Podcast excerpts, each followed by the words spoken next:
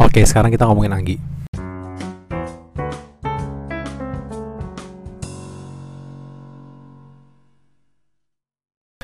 Nah, jadi uh, ini podcast pertama gue dan dan mm, sebenarnya gue udah lama pengen bikin podcast dari sekitar kuliah. Dan itu sebenarnya bahan banyak banyak, banget bahan gue pengen wawancara direktur kampus pengen nanya ke ketua bem pengen nanya ke ketua himpunan ketua mbm tapi tidak pernah terrealisasi. Nah sebenarnya gue pengen bikin podcast sampai baru-baru ini dan makin besar dorongannya setelah kemarin gue bikin podcast sama si Pinan. Pinan Dihan Nindra siapa pun itulah. Dan dan dan gue akhirnya bikin hari ini karena satu itu yang kedua adalah hari ini adalah besok sih sebenarnya ulang tahunnya pacar gue nah dan hari ini kita akan ngomongin Anggi dan dan di podcast ini gue akan ngomong gue lo oke nggak apa-apa ya oke. Nah kita uh, sebenarnya udah pacaran berapa lama? Udah sekitar apa? Setahun setahun lebih ya? Setahun dua bulan ya? Setahun dua bulan oke. Okay. dan dan ini terlama ya bagi, bagi gue nah sebenarnya uh, yang unik dari Anggi adalah dia punya nama kakak. Dia punya kakak yang namanya Sarah Alessandra gitu. Sangat modern dan ke 2000-an dan dia anak yang kedua yang lebih muda namanya adalah Anggi Widya Stuti sangat bernusantara oke? Okay? sangat nusantara lah. Nah sebenarnya nama arti Anggi itu sebenarnya apa loh? Gue gue masih nggak nggak. Gue tahu sih cuman apakah ada punya ters sejarah tersendiri dari nama lo itu sebenarnya kalau misalnya nama Anggi itu nyokap gue nggak nggak memberikan nama Anggi itu karena suatu arti ya tapi lebih ke sejarah sih sebenarnya gue mikirnya. Tuh? Jadi waktu itu tuh awalnya gue mau dikasih nama Rosa waktu gue belum lahir. Ya gue tahu gak cocok banget sama gue nah terus kemudian dia punya teman temannya lahiran. Dan katanya tuh anaknya cantik banget dikasih nama Anggi jadi deh nama gue langsung diganti dari Rosa jadi Anggi gitu doang sih. Enggak tadi ya kan Rosa. Rosa belakangnya apa? Rosa Widya Stuti juga atau Rosa? Gue nggak tahu sih. Karena kan uh, bagi-bagi job desk gitu kalau misalnya nama depan orang tua gue ibu gue nama belakang bokap gue oh. jadi nyokap gue kan yang kepikiran nama Anggi. Oh jadi Anggi itu dari dari nyokap, ya, nyokap ya, ya. Jadi kalau misalnya mau nanya artinya ke nyokap, kalau misalnya Widya Stuti dari bokap. Bokap gue kayaknya bakal tetap Widya Stuti mungkin ya. Soalnya bokap gue uh, bilang kalau Widya Stuti itu nama yang bagus katanya. Apa tuh? Widi itu katanya artinya bijaksana tapi kok Astuti gue lupa deh nama Astuti lagu gak sih gak tau deh lagunya apa namanya Agung Hercules gak tau gue nah uh, jadi uh, Anggi Widias itu itu adalah kalau misalnya orang mendengar itu sangat 180 derajat dengan Sarah Alessandra ya. ya semua teman-teman gue bilang kayak gitu pak. Nah tapi tapi tapi sebenarnya nama nama lo artinya bagus banget. Ya itu tadi kan bijaksana kan iya bagus nah, nah Agi ini menarik karena dia kerja sebagai perawat nah selama ini kita selama ini kita tahu adalah tenaga yang selama ini kita tahu dan kita lebih perhatian adalah tentang dokter ya kan? Maksud dalam arti kalau kita sakit dokter. Dan dan dan jujur gue juga sebelum ketemu Anggi dia terlalu memperhatikan perawat lah. Dalam artian ya ya gue tahu ya kalau sakit ya dokter gitu kan. Tapi sebenarnya yang pengen gue tahu adalah sebenarnya membedakan secara prinsip antara dokter dan perawat itu apa? Maksudnya dalam uh, pekerjaan dan ya secara prinsip apa dari mulai sekolahnya dan sebagainya dan gimana lu lu sekolah uh, S1 kan S1 Iya, S1 nurse asik. nah, S1 nurse bedanya apa sama D, D3 perawatan? Jadi sebenarnya kalau S1 nurse itu kan dikatakannya itu lebih profesional karena sebenarnya uh, diciptakannya itu untuk jadi kepala ruangan sebenarnya cuman di uh, di rumah sakit rumah sakit kita itu masih berpikiran kalau untuk jadi karu-karu kayak gitu itu sebenarnya butuh pengalaman yang lama gitu. Mereka harus senior gitu ya? Iya harus tahu um, apa ya? dari dari rumah sakitnya manajemen kasus-kasus. setiap itu juga kan beda-beda ya manajemen rumah sakit itu beda-beda terus kasus penyakitnya gitu. Jadi eh, kalau dari sekolah D3 itu emang lebih ke tindakan kalau praktek ya sebenarnya jadi Mm-mm. politeknik ya kayak gue juga Iya, dia lebih ke tindakan ke pasien. Kalau misalnya S1 nurse itu lebih teori kenapa Hmm, hal iya. itu dilakuin. Jadi makanya kenapa eh, tadinya diciptakan untuk karu gitu dibilangnya. Karena pasti kan kalau misalnya untuk tindakan jadi dia bisa ngasih arahan gitu loh, ngasih Dan arahan. oh, Heeh. oke, oke. Oh, tindakannya tuh harusnya kayak gini, misalnya kayak gini, kayak gini gitu. Terus eh, kalau Kok- misal iya. Kalau bedanya sama dokter sebenarnya kalau dari gua pengalaman sekolah sih gue merasanya sama aja kalau sama dengan yang esket ya bukan yang spesialis kalau misalnya Oh, SK itu yang S1 juga ya? Iya. S1 lulus Mm-mm. dokter dapetnya gelarnya SK. Iya. kita juga belajar pathway gitu uh, dan Pathway tindakan juga kayak patofisiologi penyakit itu dari awal sampai akhir gitu jadi Oh. kenapa nih mau uh, melakukan tindakan ini kenapa kita harus tahu alasannya kenapa kenapa misalnya nggak boleh dikasih obat ini tuh kenapa gitu cuman memang yang uh, wewenang memberikan obat itu dokter Tetap dokter gitu. Mm-mm. dan gue agak eh, sebenarnya agak kesel sih karena gue belajar sebegitu panjangnya ya Hmm. dan gue setiap sekolah itu melakukan penkes penkes penkes pendidikan apa? kesehatan gitu Pendidik- Pendidikan kesehatan. Mm-mm, sama masyarakat jadi kalau misalnya masyarakat nanya nih atau pasien nanya penyakitnya tuh kenapa sih? Pasti kan suka nanya dong ke perawat kayak gitu.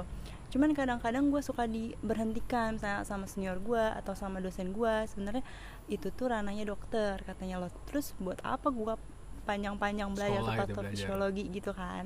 Sedangkan gue juga bisa jawab nih gitu. Oh, itu sebenarnya juga mematikan apa ya eh, keilmuan orang ya dari kuliah terus masuk ke ke, ke lapangan sebenarnya ternyata di lapangannya tidak sesuai dengan nah gitu apa yang kita pelajari. sebenarnya waktu gue selama lima tahun gue kuliah itu lebih ke eh, kita tuh collab sama dokter jadi eh, dokter ini eh, sebaiknya ini enggak gitu jadi bukan kita cuma nerima instruksi aja kita juga kenapa kita harus tahu dan dalam pengetahuan tentang penyakitnya juga karena untuk ngingetin dokternya siapa tahu dokternya lupa Hmm. atau misalnya ya suka ada lah kejadian-kejadian kayak gitu. Jadi kita yang harus juga kritis gitu. Jangan cuman ikut-ikut instruksi gitu sih. Tapi secara umum pengetahuan antara perawat nih S ke nurse ya dan S ke kedokteran tuh sebenarnya sama ya. Dalam, saya dalam sama-sama S1 lulus habis itu sebenarnya pengetahuannya kurang lebih sama. Atau di kuliah pun materi yang beda. mungkin kalau misal target jadi kita akan belajar tentang penyakit-penyakit gitu ya. Nah mungkin untuk target esket penyakitnya lebih banyak mungkin ya gue pernah ngobrol sih misalnya eh, mereka harus tahu penyakit 40 misalnya misalnya Apa tuh? misal 40 penyakit gitu Oh. misalnya kita cuman misalnya 10 atau penyakit-penyakit yang memang banyak di kasus-kasusnya di rumah sakit Hmm. misalnya tapi kita ulas bener-bener dalam soalnya gue juga pernah kan eh, praktek sama anak esket tuh waktu eh, di salah satu rumah sakit besar di Bandung gitu dan Oh, bukan. nggak boleh disebut kan Oh. Kan Nah. kan nanya nebak. Iya, Nah. itu kan banyak dari setiap univ, setiap jurusan gitu dan kita ngobrol kayaknya ya nyambung aja dan bahkan gue juga pernah ngerjain soal kedokteran juga Bisa-bisa tahu aja gitu gue bahkan ngerjain so- psikologi juga gue tahu, Tahu sih gitu. sebenarnya Oh, tapi kalau misalkan di pekerjaan nih, sebenarnya perawat tuh kerjanya apa? Saya di rumah sakit ya. Sel- Selain rumah sakit biasanya di mana? Rumah sakit kan, puskesmas, pokoknya di fasilitas kesehatan ya. Kerja itu ngapain? Misalnya apa sih kerjanya? Gitu. Mungkin banyak orang yang belum tahu juga gitu kalau misalkan job biasanya perawat tuh di rumah sakit apa?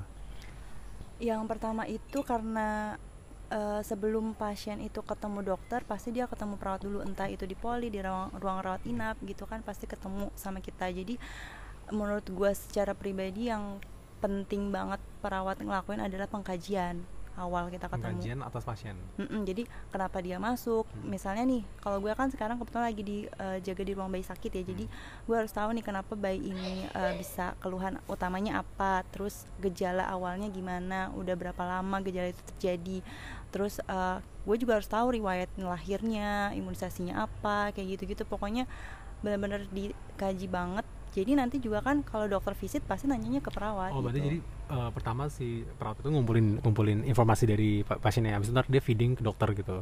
Ya. Oh, gitu. okay. itu disebutnya pengkajian oh. nah karena kita butuh pengkajian juga untuk analisa nih dia uh, ada diagnosa keperawatan gitu kan nanti tindakan yang kita lakuin ke si pasien itu apa gitu nah, sebenarnya rasio antara jumlah perawat dan dokter tuh lebih jauh nggak sih bedanya misalkan ya perawatnya misalkan lima dan satu rumah sakit ya perawatnya lima dokter satu atau justru malah dokternya lima perawatnya satu ya banyak perawat lah banyak perawat ya? di dokter jaga sama perawat banyak perawat dokter spesialis juga pasti banyak, banyak perawat. banyak perawat gitu oh nah sebenarnya ya gue juga dulu sebelum ketemu lo ya kan gue kalau ke rumah sakit tuh hampir jarang memperhatikan peran perawat gitu saya uh, ya sekarang ini mungkin tuh bias juga ya karena gue tahu sering ngobrol sama lu juga tentang pekerjaan lu. Akhirnya gue tiap rumah sakit gue perhatikan oh rata ya bisa gue katakan kalau misalkan lu sakit mungkin 80% lah lu bakal lebih sering ketemu perawat daripada si si dokternya gitu kan. Dan selama ini kita mikir cuma ya udah gitu nunggu dokter gitu. Padahal sebenarnya kayak ganti infus dan dan sebagainya itu perawat gitu kan. Nah tapi uh, artinya mungkin nggak cuman gue ya. Pasti banyak orang-orang yang selama ini tidak terlalu memperhatikan ya profesi perawat gitu maksudnya. Lu, lu sebagai perawat gimana sih saya apakah lu merasakan hal yang sama kalau misalkan kok orang kayak kayak nganggap profesi gue nih atau karena ada dokter jadi dianggapnya dokter lah segalanya gitu. Lo pernah sih ngerasa kayak gitu? Pernah sih ngerasain kayak gitu apalagi kayak misalnya nanya penyakit gitu ya. Uh, kita baru mau jawab nih ada keluarga anggota keluarga yang lain yang bilang dia perawat dia nggak akan tahu. Itu okay. gue nyesek banget sih.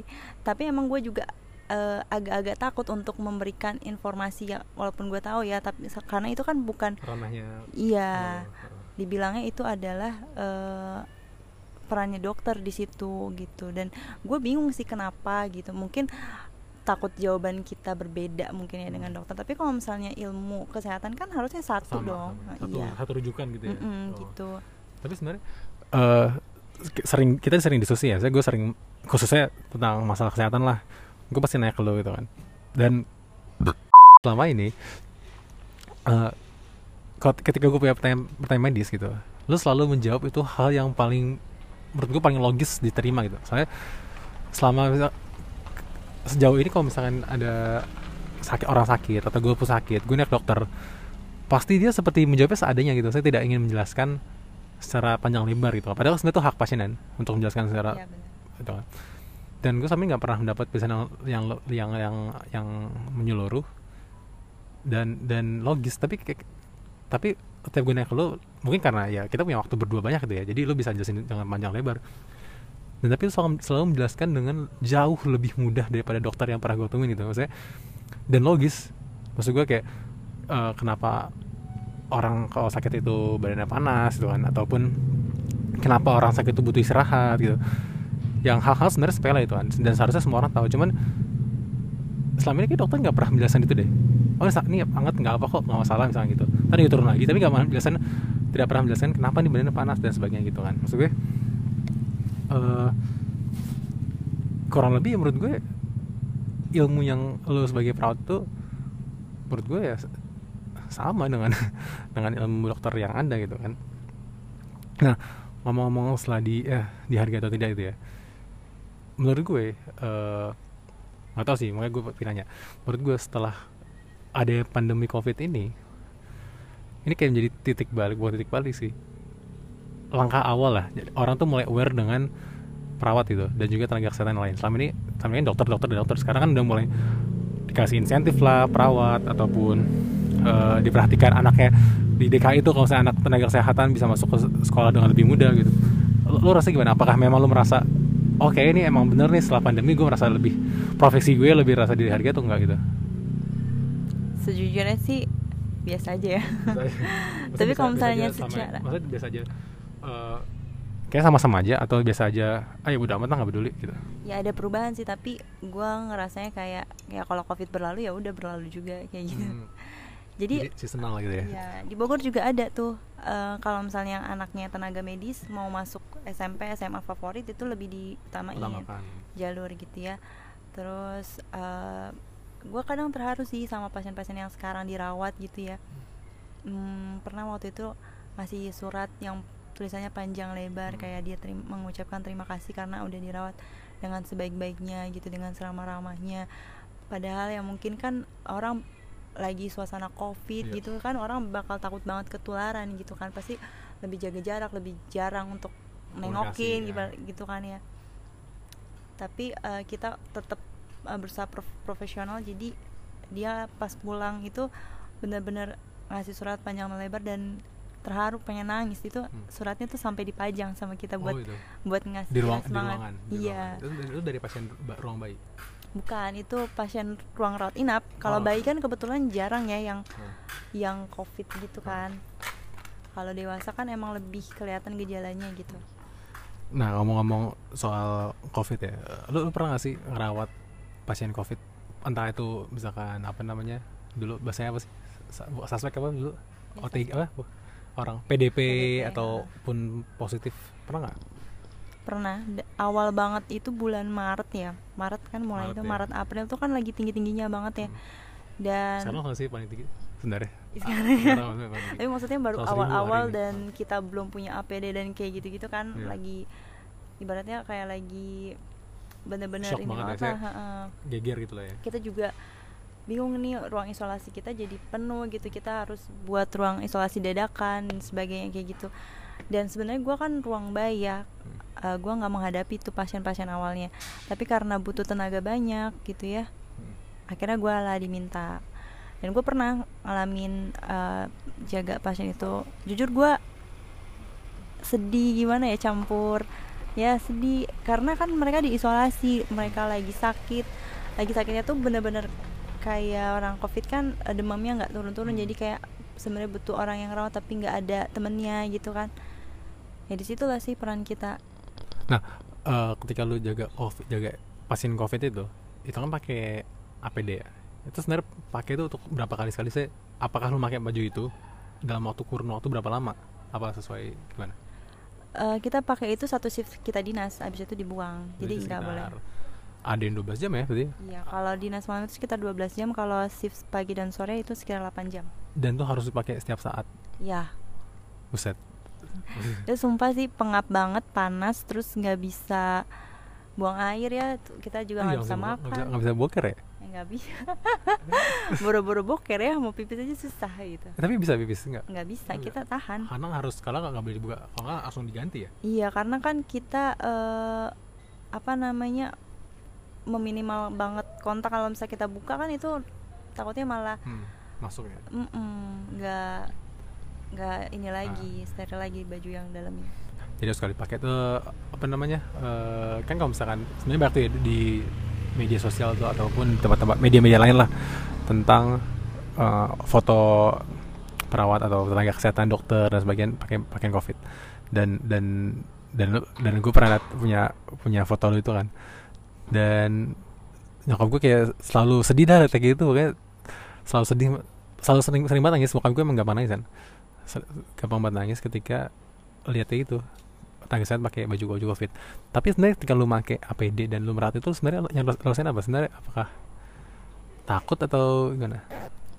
Enggak sih karena gue tahu cara penularannya. Jadi gue pede-pede aja sih sebenarnya pakai. Cuman ya eh, yang penting kita tuh tahu ya maksudnya nggak boleh melakukan kontak sama misalnya sama mata gitu. Hmm. kalau misalnya mau buka bener-bener harus cuci tangan gitu.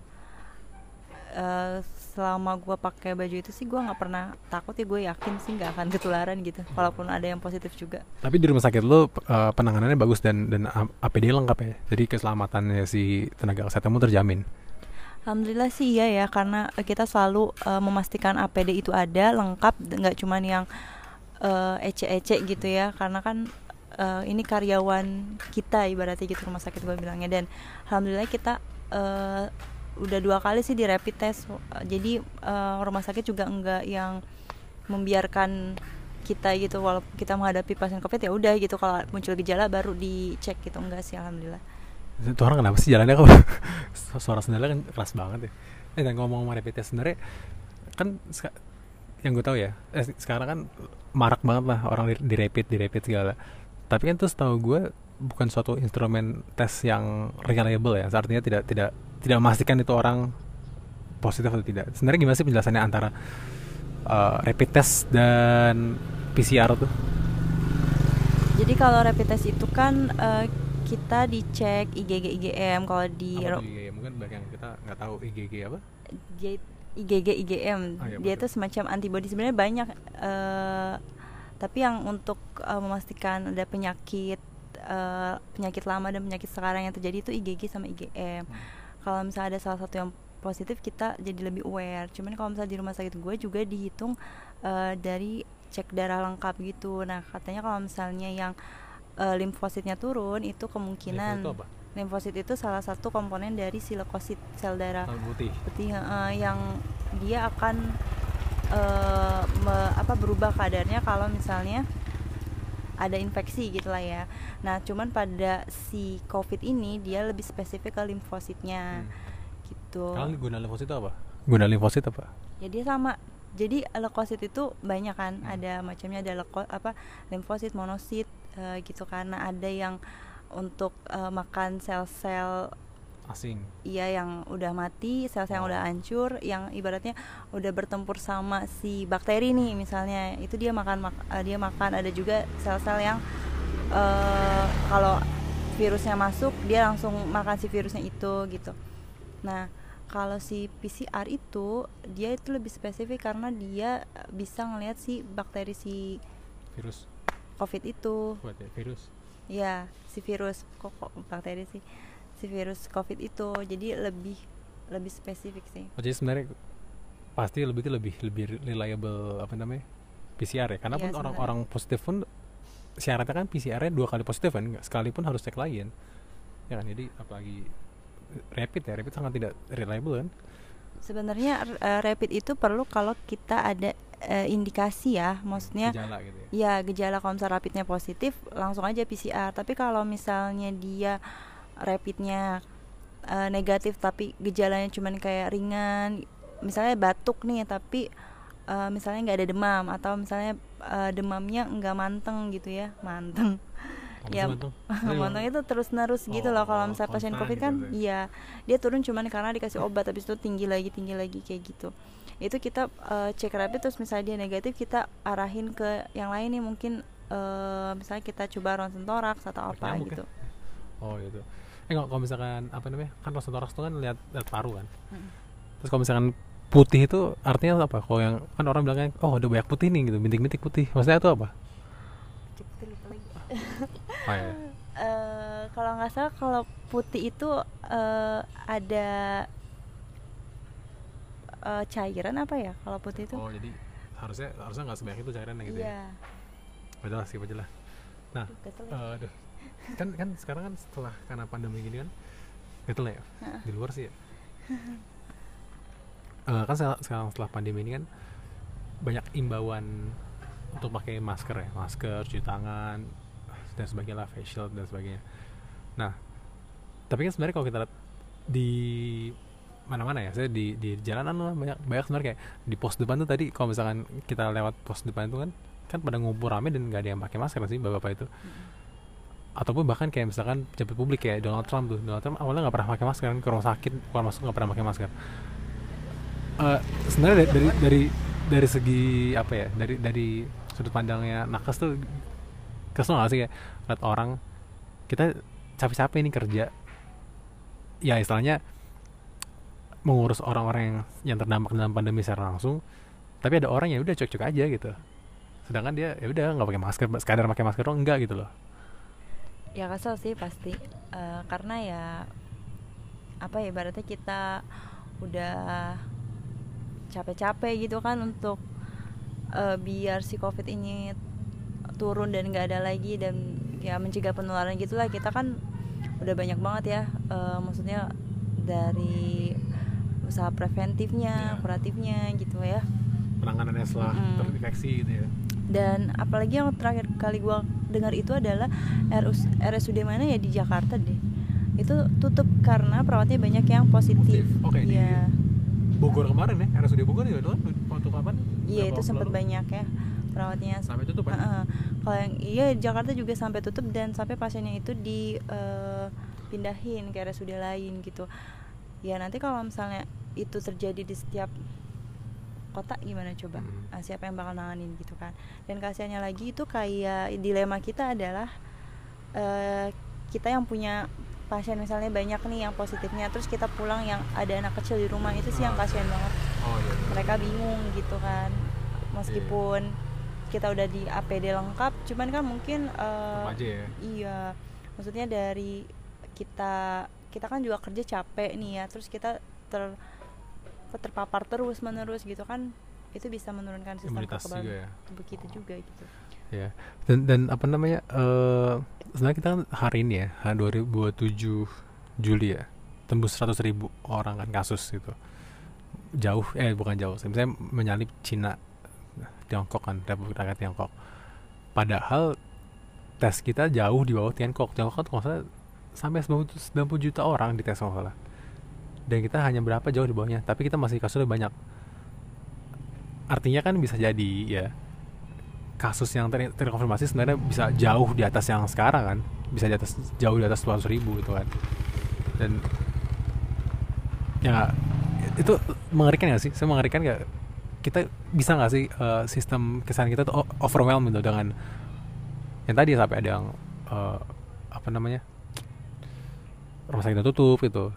Mungkin gak sih kalau misalnya angka itu terus naik kasus eh, dari rumah sakit itu bisa overwhelm kelebihan gitu kelebihan kapasitas sampai nggak bisa menangani ya?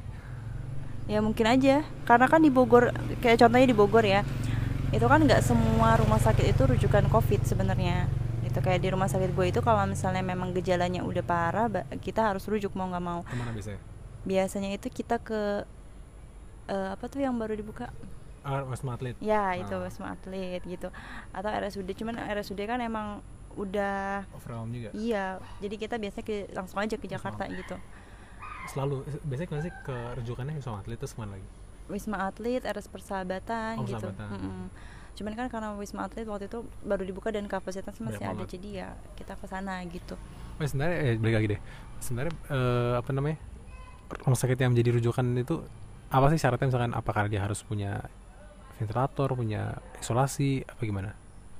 Eh, dia harus punya pertama tenaga medisnya ya. Hmm. Eh, oh jadi dan itu khusus apa enggak? Maksudnya khusus tenaga medis yang udah berpengalaman? Nah biasanya kan kalau misalnya yang jadi rujukan itu dia pasiennya udah jelek ya ini ini setahu gua ya maksudnya Oh, bukan pasiennya yang jelek. oh yang yang Iya. dirujuk Enggak ini kriteria kriteria rumah sakitnya yang setahu gua aja bukan berdasarkan undang-undang Iya, iya. gitu ya. Minimal lah ini dasarnya menurut gua. Kalau misalnya yang harus rujukan itu eh, pertama tenaga medisnya juga harus kompeten. Biasanya itu udah jarang tuh yang D3 karena se- setiap tindakan itu harus paham kan kenapa Hmm. ini kenapa ini dan eh, harus tahu gitu harus kritis mana tindakan pertama yang harus dilakukan gitu. Apalagi kalau misalnya pasien yang dirujuk itu kan pasien yang udah jelek ya ibaratnya udah misalnya ada gangguan nafas ada penurunan kesadaran dan sebagainya itu kita sebutnya pasiennya udah jelek Nah, gitu. itu, itu udah gila sih karena karena dulu lo sering ngomong kan nih ah nih pasien jelek nih. Kayak gue mikir dulu segampang itu ya ngomong ngomongnya misalkan ah nih orang ah pasien jelek nih dah nggak enak nih. Kan kita mikirnya kayak kalau orang tahu ya saya kalau itu memang bahasa yang lumrah kita kita mikirnya sejahat banget ya dibilangnya kondisi kita jelek gitu loh dia. Ya, terus, terus. Ya emang itu udah kayak apa ya udah kebiasaannya gitu ke- ya kita ke, ngomong. kelazimannya ngomong gitu ya Iya. dalam di bidang medis tuh emang biasanya ngomongnya kayak gitu. Terus eh, biasanya pasiennya kan udah jelek ya udah udah ada gangguan lah udah gangguan penurunan kesadaran eh, dan gangguan nafas itu kan hal yang udah gangguan nafas itu udah ibaratnya udah emergency banget. Jadi butuh perawat yang kompeten biasanya yang udah pelatihan terus alat-alatnya untuk pasien covid sendiri kan kita butuh ruang isolasi. Apa aja sih penting itu evaluasi ya isolasi eh, isolasi juga harus standar dia punya tekanan gitu tekanan negatif. Nah jadi itu tuh bisa memfilter eh, si ibaratnya yang bakteri bakteri atau virus untuk oh gitu. keluar lagi ke udara bebas gitu loh ah, itu Nah. dilepas keluar tuh maksudnya ke mana sih apakah Ya, ke udara aja. nggak ke sih? udara tapi ya itu dia kayak semacam filter gue sih nggak ngerti juga ya teknik apa nama alatnya atau Iya. apa tapi ya itu dia punya tekanan jadi ya semacam kayak memfilter gitu buat tapi dibuang ke udara dibuang ke udara tuh udah udah aman Iya gitu Oh. makanya ruang isolasinya harus berstandar bukan cuman ruang isolasi yang tertutup Oh, sendirian iya, iya. gitu loh. gue pikirnya kalau dulu tuh ya ruang isolasi ya sebenarnya kita bisa kan ada istilah isolasi mandiri ya karena ya udah mengisolasi diri aja di rumah gitu karena kalau di rumah sakit tuh ruangannya pun khusus ya ada ada alat yang khusus ya Iya, dia ada eh, si tekanannya itu. Hmm. Nah, terus udah gitu alat-alat ventilator, itu alat bantu napas ya. Iya. Itu juga minimal udah harus ada. Makanya juga kenapa tenaga medisnya itu beda memang Hmm. karena dia kan harus ngerti gimana cara mengoperasikan si Operasian, oh. ventilator itu. itu mahal nggak sih ventilator mahal nggak Mahal banget. berapa sih Eh, gua tahu. nggak tahu sih tapi infus pump aja nih Iya. infus pump aja Infus 60 pump? juta. 60 juta? 60 infus apa sama yang infus kita? Oh kita nggak pakai yang bisa orang dirawat tuh nggak pakai pump ya? Ya itu yang ada alatnya kalau misalnya infus kita infus terus ada alatnya bunyi. Yang kayak di rumah sakit. Oh yang tuh Ya, mama Bah. di iya mama dirawat itu itu infus Ah, pump tuh, namanya. 60 juta? Itu 60 juta. Buset. nah itu tuh kayaknya eh, udah terbaru malah infus pump itu. Kayaknya udah naik juga tinggi juga Yang tuh harganya. iya. Ya Allah Eh, kalau ventilator Pada ya itu? ya? kayaknya udah ratusan juta deh pasti ya. Mereknya apa sih? Banyak. Oh ya Eh, seru tau liat kayak gitu liat, liat. apa ya gua? Lupa alat-alat sih sakit. Terumo apa ya? Terumo tuh kayaknya nama tapi itu impor nih. ya? Maksudnya bukan buatan Indonesia? Ada Indonesia ada perusahaannya sih tapi gua nggak tahu itu merek emang dia dari luar dan berdiri sendiri apa enggak gua nggak itu ngerti. tuh yang si Maya pada modal juga ya? Ya modal lah gila lu eh bed yang buat tidur aja itu mahal banget. Paramount bed ya? Iya itu Eh, yang kemarin Paramount. kamu bisa naik turun ya? Iya, yang kayak itu. si Abi juga. Nah itu itu itu juga udah mahal banget gitu. Berapa tuh kayak gitu bed kita bukan bagian administrasi Oh, apa enggak, kita? tahu tahu gitu. Setiap pasien pasti nanya gitu berapa tuh tindakan itu? Ah, kalau misalnya untuk masalah harga kita Kasih ya? langsung diarahkan Bentar- aja ke kasir. iya emang dikira perawat itu semua tahu gitu? Gua Iya. nggak ngerti deh. Ya kan saya di yang mungkin dia itu karena kan yang paling terdekat adalah yang sering komunikasi kan pak perawat. Iya. jadi kan pasti dia pengen ya udah yang dia kan dianggapnya mewakili institusi rumah sakitnya. Jadi Iya. ya ini ada perwakilan jadi kalau misalnya bagian eh, kasir juga harus tahu kali ya gimana prosedurnya ke atas itu gitu. pasti enggak sih. Orang juga pasti nggak akan nggak akan kayak nggak adil aja gitu hidup gua. Oh. Gitu, gitu. terus, terus, eh, apa namanya? Oh jadi ven- ventilator mahal ya? Apalagi selain ventilator yang infrastruktur yang penting. Kan ruang isolasi ventilator. Eh, ya biasanya kalau misalnya di ruang eh, apa eh, pasien-pasien yang gawat gitu kayak Hmm. yang udah jelek ya itu selain infus pump ada monitor ada si siring pump. Apa ya gitu? Iya, siring pump itu semacam infus pump, cuman dia untuk obat-obat khusus kayak obat eh, obat-obat jantung, misalnya obat-obat pengencer darah kayak gitu yang high alert lah. Biasanya kita pakai infus pump karena kita tuh masukin dosnya sedikit demi sedikit gitu. Kalau infus pump kan kayak ya lo infus hari-harian juga lo pakai itu gitu. oh yang yang pakai dipakai rutin ya Hmm, oke lah terus apa lagi ya? eh apa namanya cukup lah untuk untuk covid percovidan itu ya semoga itu cukup, cukup apa sempat ber, apa cepat berakhir eh sebenarnya gara-gara covid ya, rencana kita banyak juga ya yang ter tertunda ya. Banyak banget ya kayaknya. eh ya udahlah. Terus eh, oke kan kan besok itu kan lu kan ulang tahun ya ulang tahun tuh. Dan eh sebenarnya dari dari mulai lahir sampai hari ini kan pasti kita punya punya pengalaman pengalaman ya pengalaman apa sih bagi lu yang paling mengubah hidup lu sampai hari ini? deh ada nggak? Saya pasti suatu peristiwa atau pengalaman hidup yang itu yang mengubah lu entah 180 derajat atau yang ya udah yang ternyata secara incremental tuh ngerasa oh ternyata tuh mengubah gue ya gitu. Ada nggak? Ada sih tapi gua nggak mau ngomongin deh kayaknya. kenapa? Oh ya udah. Ya udah nggak apa jadi berarti next ya kita. Udah gini ya eh, balik lagi ke tentang tentang tentang hidup ya. Ketika dulu lu masih ingat ya waktu kecil lu mengekspektasikan diri lu sebagai apa? Hari ini. Misalkan anggaplah bilang aja eh, ketika lu umur 10 tahun atau misalkan ya 10 tahun lu berekspektasi oh untuk hari ini umur lu sekarang besoknya nih saya besok ya lu jadi apa? Atau lu udah ngapain? Atau ya apalah ekspektasi lu. Nggak harus tentang karir apa harus tentang apa pun ya tentang apa pun lah. Dulu waktu kecil itu gue pengen banget jadi pembawa berita sama model-model gitu. Berita anchor apa berita apa gimana Ya anchor kayak- TV iya yang Oh, iya. petang itu. Atau gue jadi kayak model-model gitu. Hmm. makanya dulu gue centil banget sih kayak waktu kecil. Tapi nggak ada yang Sentil gimana? kesampaian ya kayak gue tuh suka eh, pura-pura jalan kayak jalan di catwalk Oh, gitu iya. tau kan? Tapi nggak ada yang apa? Nggak ada yang kesampaian. Oh. Nggak ada yang kesampaian. Dan eh, jujur pas gue diminta untuk milih ya. Misalnya uh, waktu itu gue udah udah lumayan gede dan nyokap gue udah nanya uh, mau jadi apa gitu. Jujur gue belum bener-bener kepikiran jadi apa ya gitu. Sampai akhirnya nyokap gue nyaranin gue jadi perawat. Hmm. jadi uh, sebenarnya gue jadi perawat itu sebagian besar ya kayak 99% hmm. itu sarannya oh. uh, dia. Dan you, you go with it ya? Iya. Dan ya, terus? Ya karena gue sebenarnya gue juga di hmm. awal gue bingung dan gue merasa gue juga cocok dengan pelajarannya karena memang gue suka dengan biologi tapi yang manusia ya bukan hewan-hewan gitu gue gak jelas lah. Eh ada gak sih perawat hewan? Nggak ada deh kayaknya gue kan dokter ada dokter hewan nah itu kan yang yang mendampingi apa? Kayaknya uh, dokter hewan itu bisa deh sendiri karena sepenglihatan gue ya. Yang nggak tahu deh kalau misalnya dia melakukan operasi ya. Yeah. tapi kalau misalnya dokter-dokter hewan yang pernah gue lihat itu ya paling nyuntik gitu kan. Jadi ya kayaknya bisa sendiri gitu oh kira-kira ada perawat hewan juga. Tapi tapi yang yang gue heran ya ada ada dokter manusia dokter hewan kenapa tumbuhan gak ada ya? Nggak harus dokter sih kata-katanya mungkin kan itu makhluk hidup juga kan sih? Lah. Ada tukang kebun? Ya bagian pertanian? Itu ya?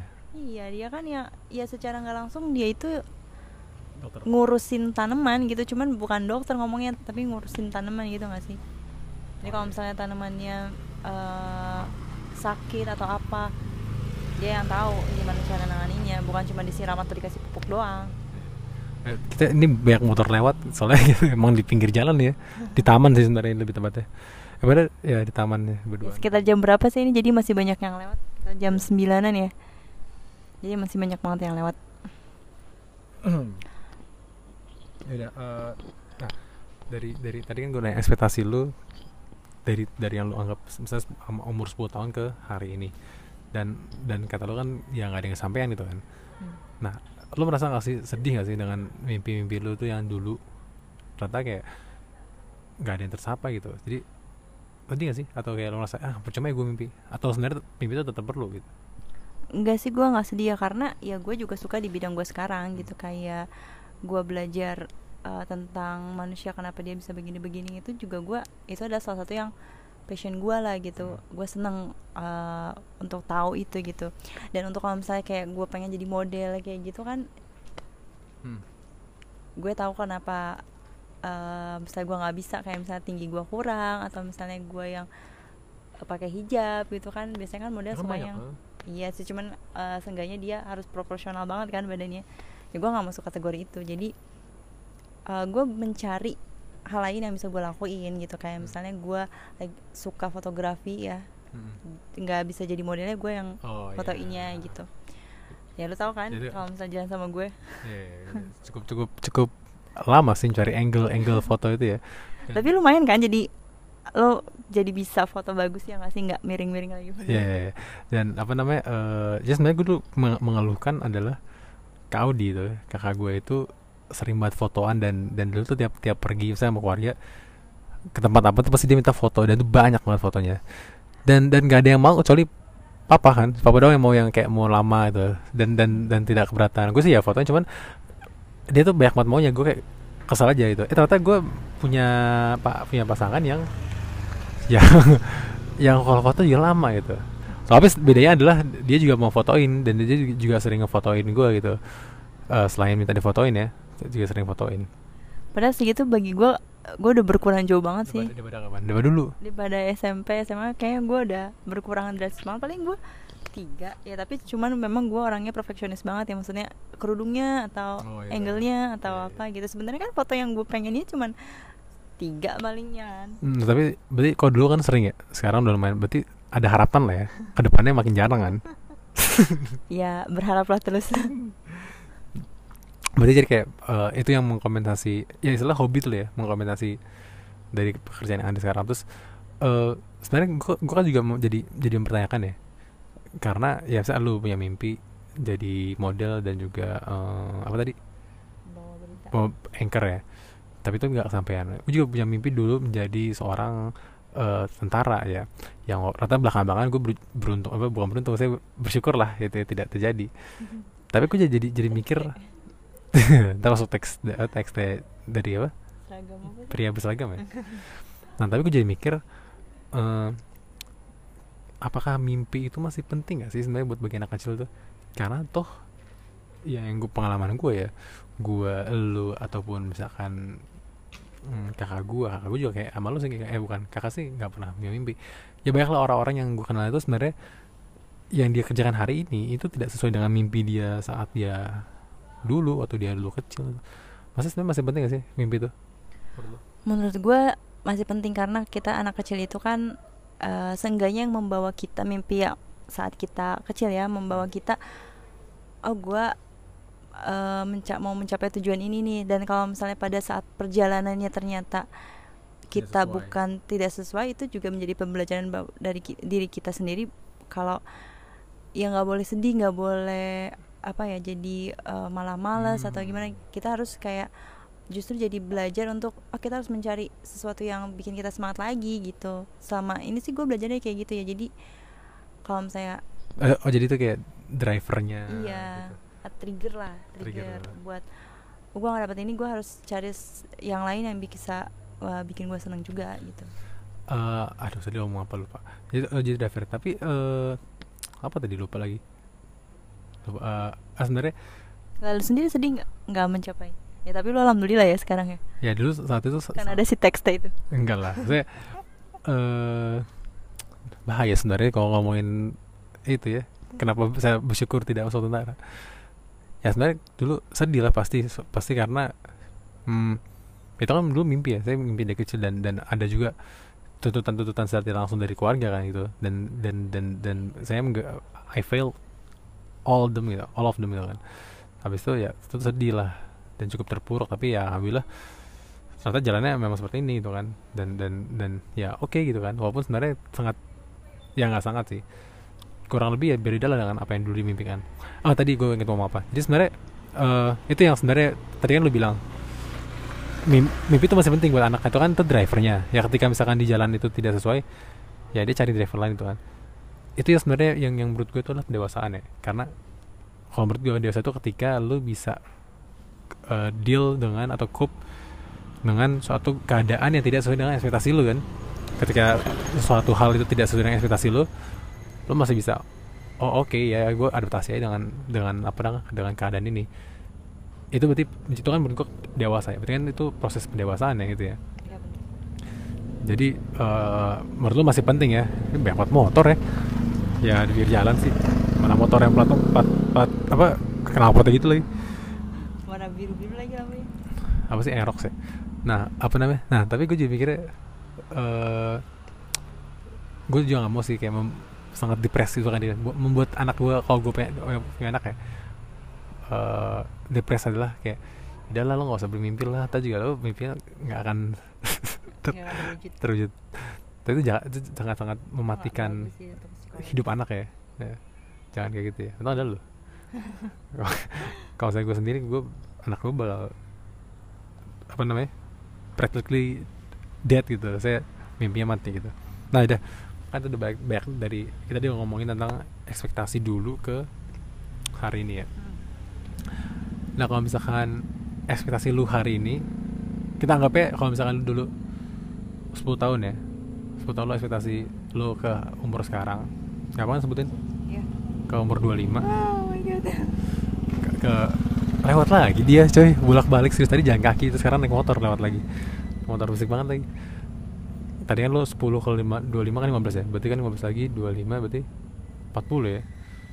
Ke umur lo lo, lo ekspektasi lo apa ketika lo umur 40 nanti dalam semua hal ya saya dalam, dalam karir uh, romansa dan keuangan ataupun ya apa pun itulah nggak harus spesifik apa. Hmm. apa yang lo ekspektasi di umur lo 40 nanti? Jadi kalau misal dari uh, dari segi mana pun lah ya tapi kalau misal dari segi karir nih sekarang kan gue udah berkecimpung di dunia kesehatan ya. Hmm. gue tuh sebenarnya greget banget sama dunia kesehatan tapi kerja di rumah sakit ya? Jadi sebenarnya saya rumah sakit sih. Jadi gue tuh sebenarnya greget banget ya sama uh, ya masyarakat Indonesia gitulah ibaratnya. Yang kayak um, penyakit-penyakit yang bisa kita cegah dengan gampang gitu ya tapi ya mereka tuh lalai gitu. Ya PHBS ya? Iya dengan PHBS kok tahu sih? Tahu lah. Itu tiap tiap hari uh, pasti orang-orang yang relate nih tiap hari mengisi SAK tahu PHBS perilaku hidup bersih dan sehat. Ya dulu itu orang yang ngerti aja terus nah itu um, sebenarnya kan bisa dilakuin gitu ya. Padahal usaha preventif juga udah sering banget dilakukan. Jadi ya mungkin uh, di next gua 10 tahun ke depan ya. 10 tahun ke depan 40 tahun ya berarti 15 tahun ke depan 15 ya tahun ke depan. Kan tadi kan dari umur 10 10 ya gue pengen 2015. kayak memperbaiki sistem kesehatan Indonesia aja kayak sistem-sistem di rumah sakit gitu ya. Makanya gue juga pengen belajar tuh tentang kenapa sih kok ini kayak gini kayak gini. Kadang-kadang banyak hal yang buat gue greget gitu. Oh sebenarnya tuh gue jadi nanya tuh sebenarnya cuman Flaman ya? Eh, apa namanya? Ya mungkin kan nah gue tuh sampai detik ini sih ngeliatnya kayak karena kebanyakan pendapat orang-orang dan ya beradu argumen gitu ya. Jadi menurut gue harusnya kayak gini tapi ya banyak kebanyakan mulut sih menurut gue jadi ya nggak sesuai gitu lah ya. Hmm. terus kalau misalnya di eh, oh romans- apa? Oh rumah saya terus. Ya kalau di romansa gue sebenarnya nah gue pengen banget tuh jadi orang yang bisa berpengaruh ya. Untuk berpengaruh kan berarti punya pangkat gitu lah ya. Untuk bisa merubah sistem gitu. Ah itu hal romansa? Nggak beda beda. Ini Oh. berkebalikan dengan romansa gue jadi Oh. kalau misalnya karir kan harus punya pangkat dong untuk Hmm. meng ini gitu. Cuman yang gue perhatikan selama ini gitu setiap pasangan yang dua-duanya misalnya sama-sama pinter sama-sama berkarir sama-sama eh, sibuk gitu ya. Hmm. itu jarang jarang banget eh, bisa berdampingan lah romansanya bisa berjalan mulus juga gitu. Kayak eh, karena kan berdua sama-sama sibuk paling ketemu malam gitu. Sedangkan gua adalah orang yang berpikiran kayak gue tuh pengen ngurusin pasangan gua kalau misalnya gue udah Hmm. punya pasangan seumur hidup gitu. Karena pasangannya ngurusin pasangan karena pasangannya gemuk ya? Karena pasangannya lebih muda lebih muda jadi diurusin. Bukan. Karena gemuk jadi mau di- mau dikurusin. Dikurusin. Mengurus. urusin. Nah, jadi eh, ya gue berpikirnya gue harus punya lebih banyak waktu dong Hmm. untuk pasangan gue gitu kayak gue tuh pengen nyiapin sebenarnya simpel sih kayak nyiapin bajunya, nyiapin makannya gitu kan.